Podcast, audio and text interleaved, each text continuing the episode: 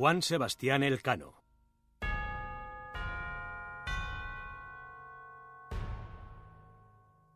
Biografía de un capitán.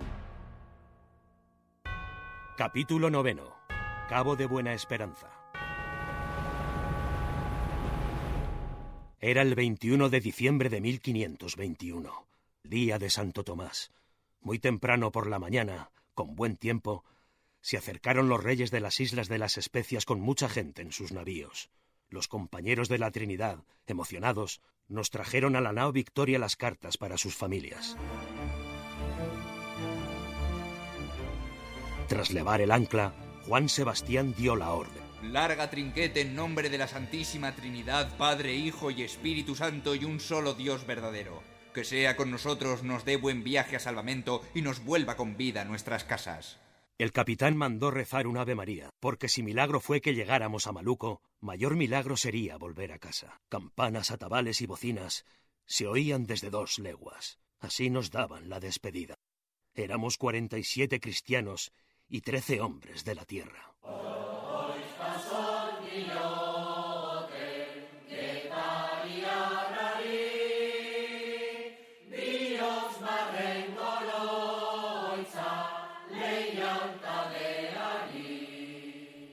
Tras más de dos años de navegación, la solitaria nao Victoria dejó atrás lentamente las islas de las especias.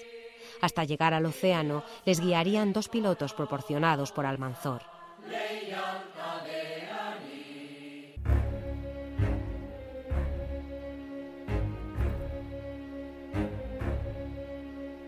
Tres semanas después, les atrapó un violento temporal y los pilotos, luchando contra las corrientes y las ráfagas de viento que soplaban de las montañas, metieron la nao en la isla de Malúa. El deterioro del casco hacía que entrara mucha agua y achicarla constantemente con la bomba era un trabajo que desfondaba a los hombres.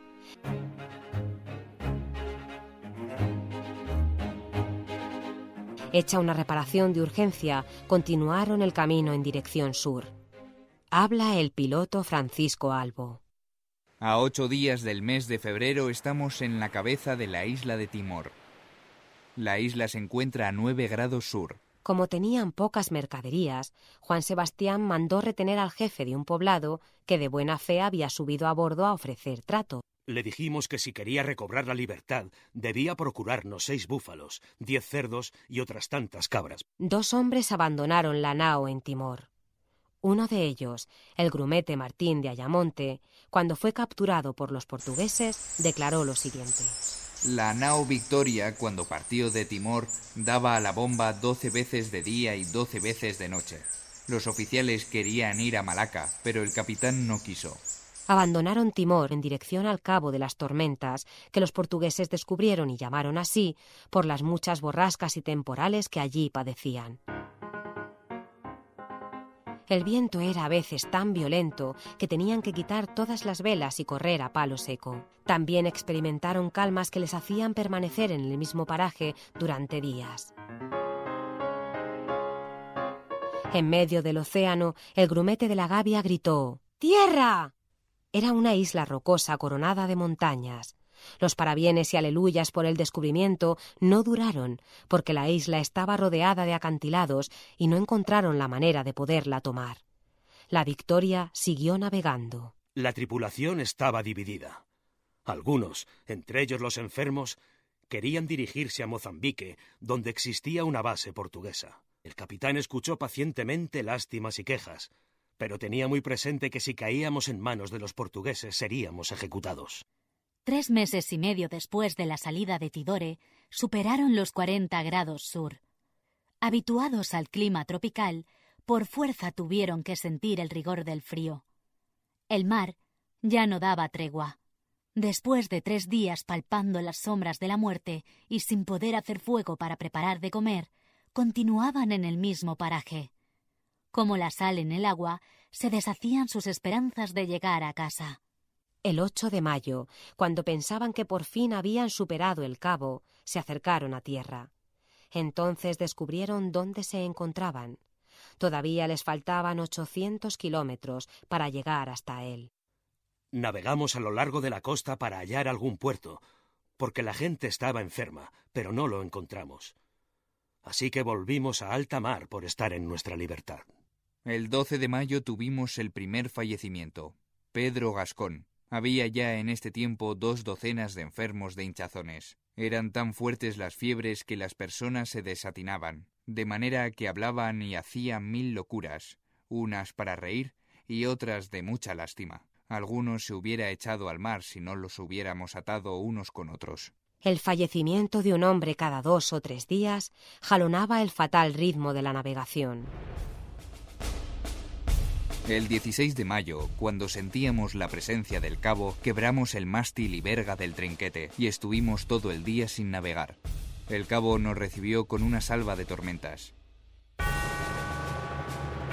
A merced de las olas, cada vez que caíamos, parecía que lo hacíamos desde una alta torre, para sepultarnos en los abismos metiendo hasta los castillos de popa debajo del agua.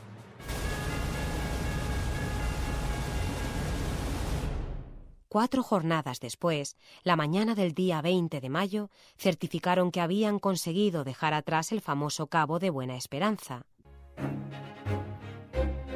Huyendo del frío, navegaron con buen viento hacia el noroeste a gran velocidad, con jornadas en las que superaron los 300 kilómetros. La victoria volaba. En apenas dos semanas y media cruzaron la línea del Ecuador. La imparable sangría provocada por la escasez de productos frescos terminó doblegando al capitán Juan Sebastián y le obligó a dirigirse a la isla de Santiago. El 1 de julio reunió a la gente y lo aprobaron. Juan Sebastián escribiría después. Sin comer más que arroz en cinco meses y bebiendo solo agua, no tocamos en tierra alguna por temor al rey de Portugal, que tiene ordenado en todos sus dominios tomar esta armada. Así, se nos murieron de hambre veintidós hombres, por lo cual, y por la falta de vituallas, arribamos a la isla de Cabo Verde.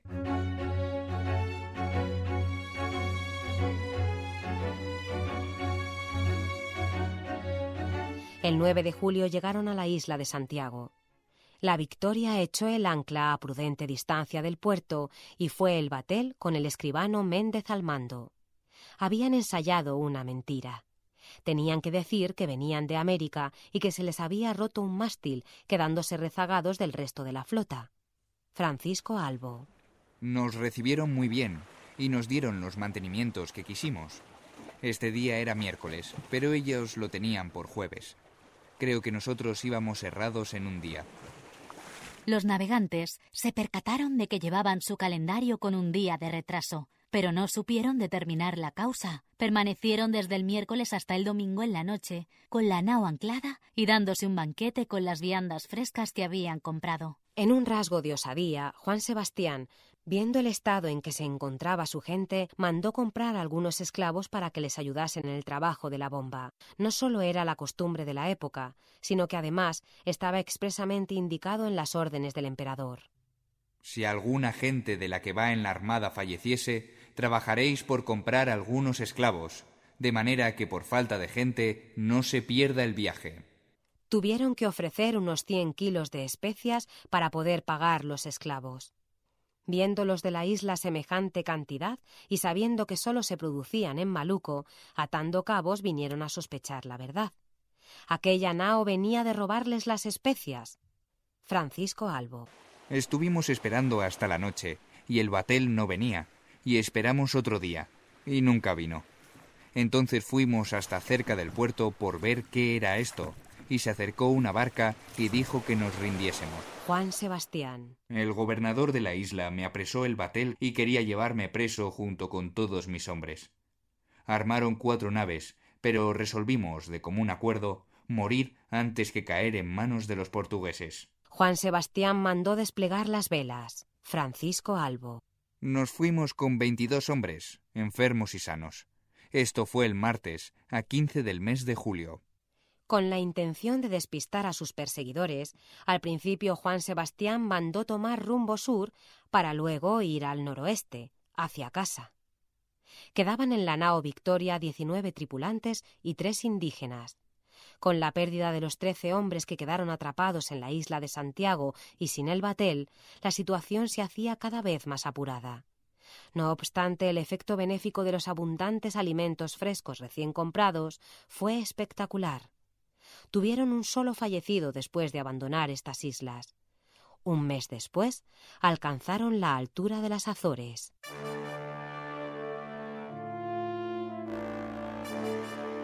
Los paños de las velas daban lástima y cenábamos a oscuras, como los sábados, no por ahorrar, sino porque no quedaba sebo ni cera ni aceite para hacer candelas. El viento nos obligaba a ir hacia el norte. Juan Sebastián. Así, con grandísimo trabajo de la bomba, que de día y de noche no hacíamos otra cosa que echar fuera el agua, estando tan extenuados como hombre alguno lo ha estado.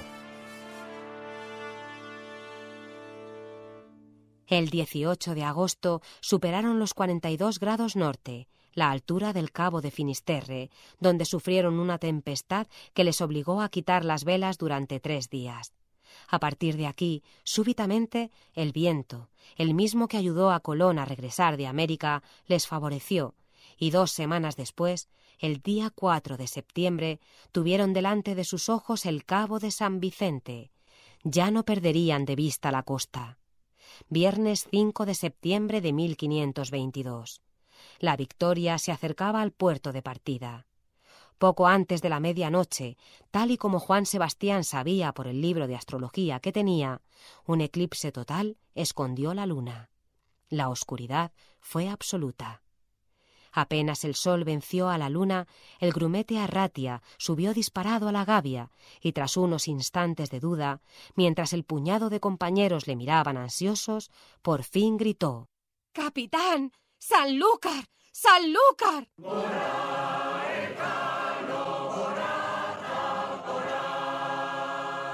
Era el 6 de septiembre de 1522.